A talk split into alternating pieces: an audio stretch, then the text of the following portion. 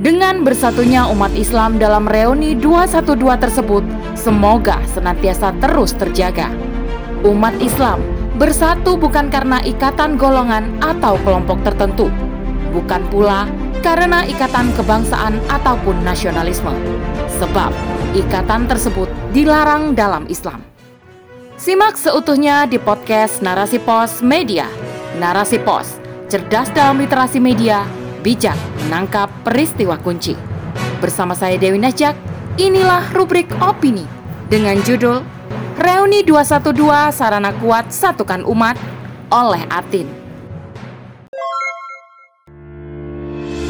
Bersatu kita teguh, bercerai kita runtuh. Peribahasa tersebut sepertinya pas untuk menggambarkan kekompakan peserta reuni 212. Para peserta tetap semangat meskipun menghadapi berbagai rintangan. Rintangan tersebut bisa dilihat dari gagalnya penyelenggaraan reuni 212 yang seharusnya bertempat di kawasan Patung Kuda Arjuna Wijaya, Jalan Medan Merdeka, Jakarta Pusat. Kegagalan itu diakibatkan karena masa reuni 212 diadang oleh pihak kepolisian. Berbagai ruas jalan menuju area Monas ditutup. Masa akhirnya membubarkan diri, padahal beberapa kelompok masa sudah berdatangan sejak subuh. Apa yang menimpa peserta reuni 212 menjadi pelajaran bagi kita semua. Semangat pantang menyerah terlihat nyata.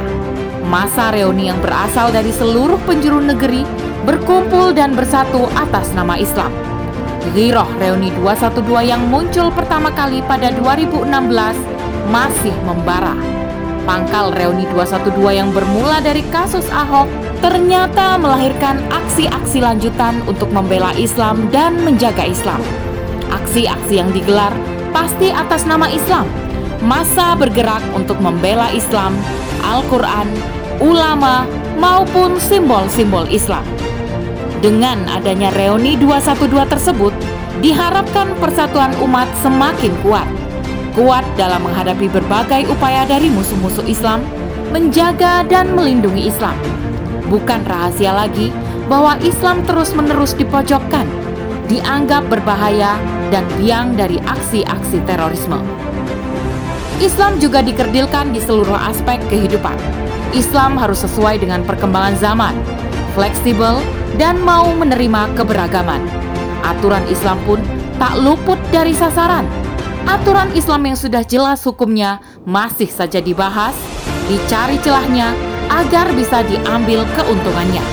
Begitu juga dengan orang-orang yang menyampaikan ajaran Islam. Semuanya tidak luput dari sasaran musuh-musuh Islam. Musuh-musuh Islam berupaya agar Islam dan aturannya dibenci oleh orang Islam sendiri Begitu juga dengan orang-orang yang menyampaikan ajaran Islam dan berusaha untuk menerapkannya. Orang-orang tersebut langsung dituduh terpapar radikalisme, ekstremisme, serta tuduhan buruk lainnya. Dengan tuduhan tersebut, Islam menjadi buruk di mata kaum muslim. Islam yang terlanjur di stigma negatif dan dianggap menyebar bibit-bibit terorisme semakin dijauhi kaum muslim.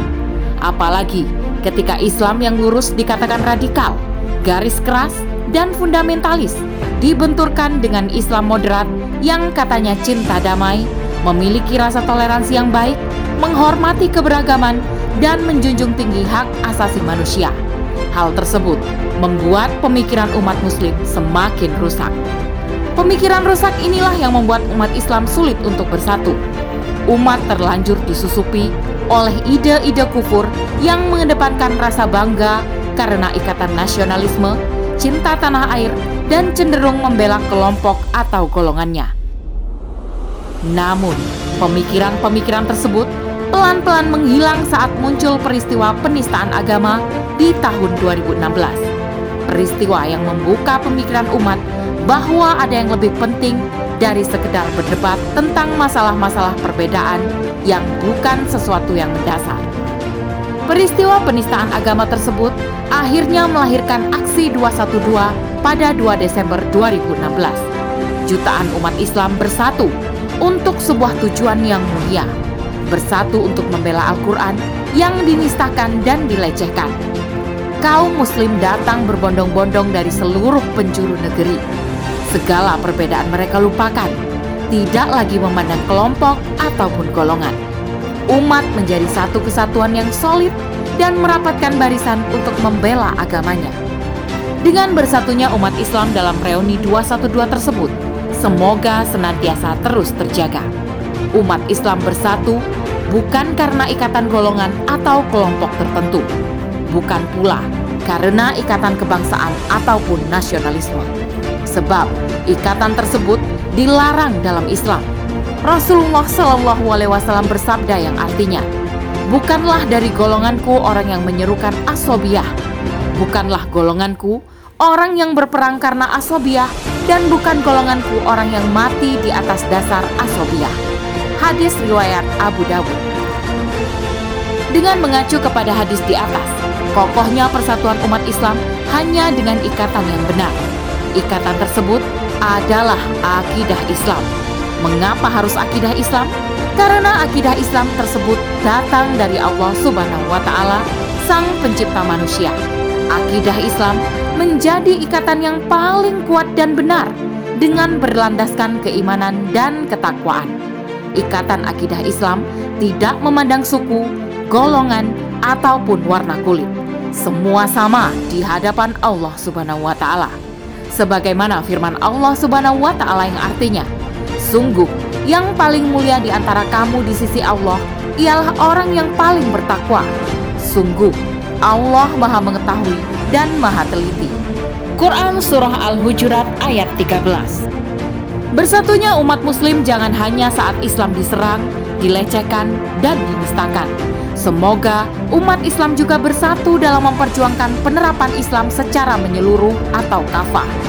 Perintah untuk berislam secara menyeluruh terdapat dalam firman Allah yang artinya, Hai orang-orang yang beriman, masuklah ke dalam Islam secara keseluruhan dan janganlah kamu mengikuti langkah-langkah setan. Sungguh, setan itu musuh yang nyata bagimu. Quran Surah Al-Baqarah ayat 208 Ayat di atas harus selalu menjadi penyemangat dalam tiap langkah kehidupan.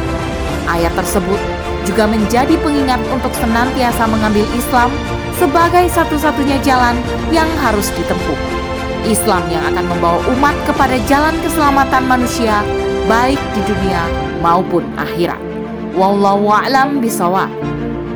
Demikianlah rubrik opini kali ini. Sampai bertemu di rubrik opini selanjutnya. Saya Dewi Nasjak undur diri. Afu minkum wassalamualaikum warahmatullahi wabarakatuh.